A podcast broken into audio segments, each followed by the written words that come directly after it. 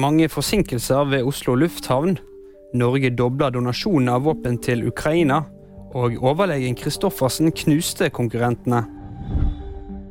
Flyavganger innstilt ved Oslo lufthavn.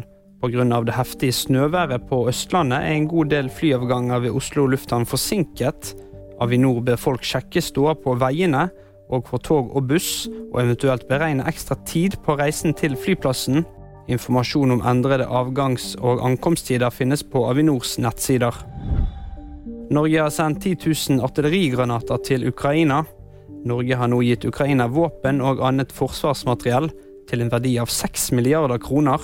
Forsvarsminister Bjørn Arild Gram sier at Ukraina trenger internasjonal støtte i form av militært materiell og trening av egne styrker. Henrik Kristoffersen tok sesongens første seier. 28-åringen ledet stort etter første omgang i Garmisch-Partenkirchen.